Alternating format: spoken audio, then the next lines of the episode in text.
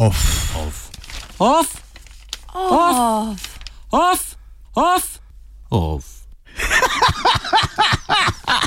Off komentar. Moč sistema proti Trumpu.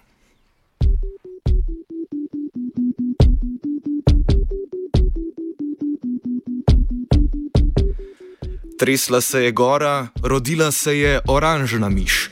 Donald Trump je pred 100, 103 dnevi zaprisegel kot 45. predsednik Združenih držav Amerike. Njegovi nasprotniki so delno iz strahu, delno na podlagi Trumpovih izjav napovedali preobrat ameriške politike, zrušanje vseh njenih norm in za povrhu še svetovnega reda. Trump je vendar govoril o neinterveniranju Amerike na Bližnjem vzhodu, o zastarelem NATO, o izstopu iz pariškega okoljskega sporazuma, prepovedi vstopa vsem muslimanom in tako dalje. Kritiki so si pulili lasečeš, kako ga nobena njegova izjava o ženskah, mehičanih, Putinu in invalidih ne ustavi. In vendar dejanja američanov kažejo, da norme družbe in demokracije ter politike niso tako krhke, da bi jih en čuden slon razbil.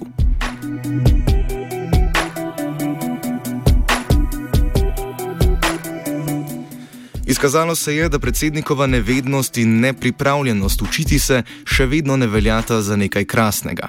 Nasprotno, nevednost in nezanimanje za politične detajle bosta iz predsednika še vedno naredila idiota. idiota.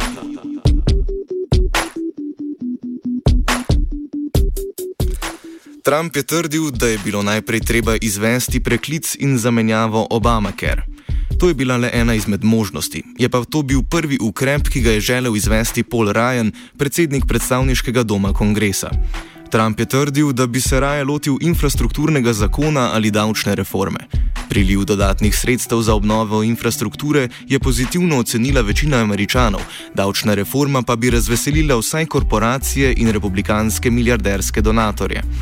Zdravstveni predlog, ki je bil nasprotju z vsem, kar je Trump obljubljal med kampanjo in o katerem ni znal povedati več kot nekaj pozitivnih pridevnikov, pa ni bil nikomur pogodu. Po 17 dneh je zdravstvena reforma 45. predsednika zamrla in mu s tem še naredila uslugo.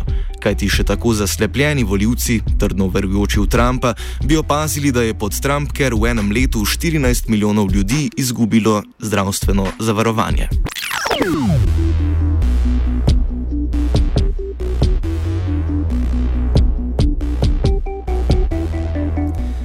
Izkazalo se je, da bodo ljudje, če ne uspešni česar uspešno izpeljati, to nagradili z nizkimi rejtingi oziroma z 39-odstotnim odobravanjem predsednikovega dela. To je nižji procent, kot ga je Bush mlajši dosegel po neučinkovitem ravnanju po orkanu Katrina.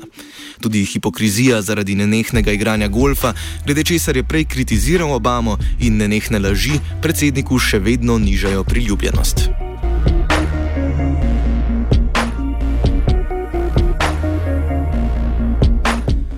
Očitno se američanov tudi še ni polotila apatija in zmorejo med držanjem za glavo zaradi predsednikovih izjav še vzdrževati svojo tradicijo protestov.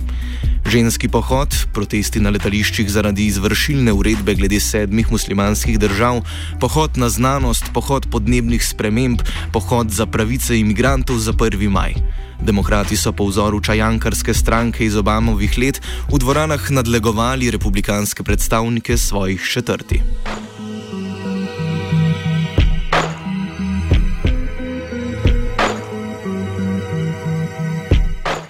Predsednik je tudi, zdi se, da z začudenjem, ugotovil, da obstajajo z ustavo določene omejitve predsedniške moči.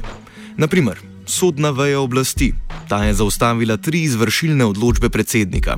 Moč sodne veje oblasti je zaustavila izvajanje obeh različic izvršilne odločbe o omejitvi prihoda v Združene države iz šestih muslimanskih držav.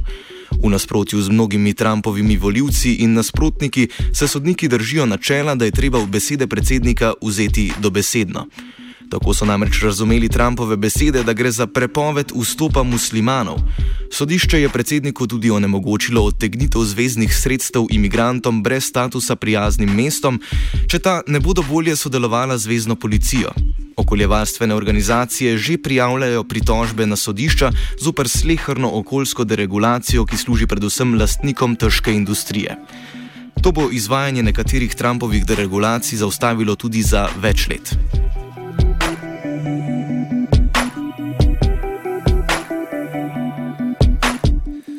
Trump v veliki meri ni spremenil začrtane smeri zunanje politike. Sankcije na ruskem gospodarstvu ostajajo, napadal je letališče Asada zaradi uporabe kemičnega orožja in ni umaknil ali zmanjšal števila vojakov na NATO-vih misijah.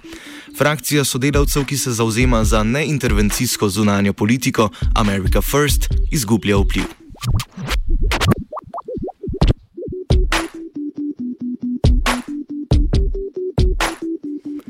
To, da na mesto njih politiko oblikujejo bivši bančniki Wall Streeta, pa ne pre preseneča. Kdo bi verjel obljubam, da bo Trump, domnevni bilionar, resnično prečistil močvirje Wall Streetovcev in drugega establishmenta, ko pa bodo ti ustvarjali politiko, ki ustreza poslovnežu Trumpu.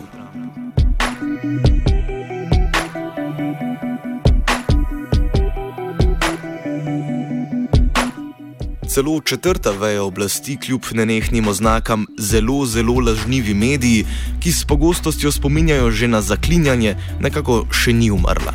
Časopisom, naprimer propadajočemu New York Timesu, raste naklada.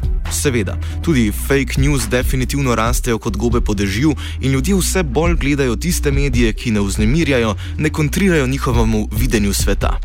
Mogoče pa bo Trump ljudem res priskrbel službe. Glede na to, da so on in njegovi predstavniki za javnost v stotih dneh izrekli 488 laži in pol resnic, bi mediji rabili armado fact-checkerjev še bolj kot Trumpov Twitter potrebuje pomoč slovničarja.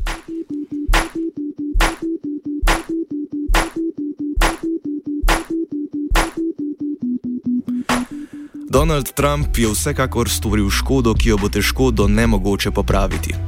Na vrhovno sodišče je uspešno nominiral Nila Gorsuha in z naslednjim imenovanjem bo vrhovno sodišče spreobrnil v prevladujoče konzervativno telo za več desetletij. Z vsako okoljsko deregulacijo, ki je sodišča ne bodo ustavila, škoduje planetu. In vsaki družini, iz katere so po njegovih ukazih deportirali očeta, mamo ali celo otroka rojenega v Ameriki, ki so bili pod Obamo zaščiteni in škodi vsakemu otroku, ki mu sošolci v glavo mečejo besede o mehiških posiljevalcih, saj če lahko predsednik, lahko tudi jaz.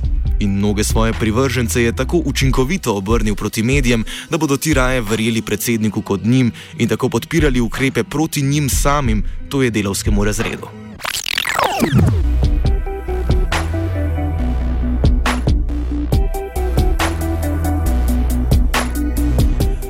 Vendar vsak dan poleg globine Trumpove nesposobnosti dokazuje tudi moč institucij, ki je prej nismo opazili ali pa cenili.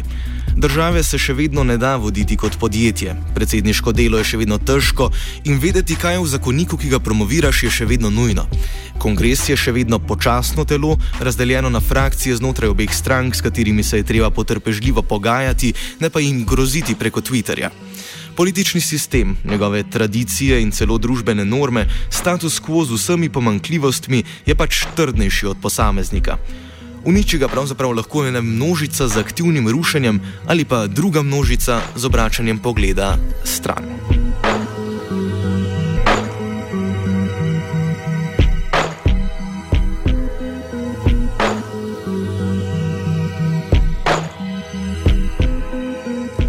Komentirala je Г.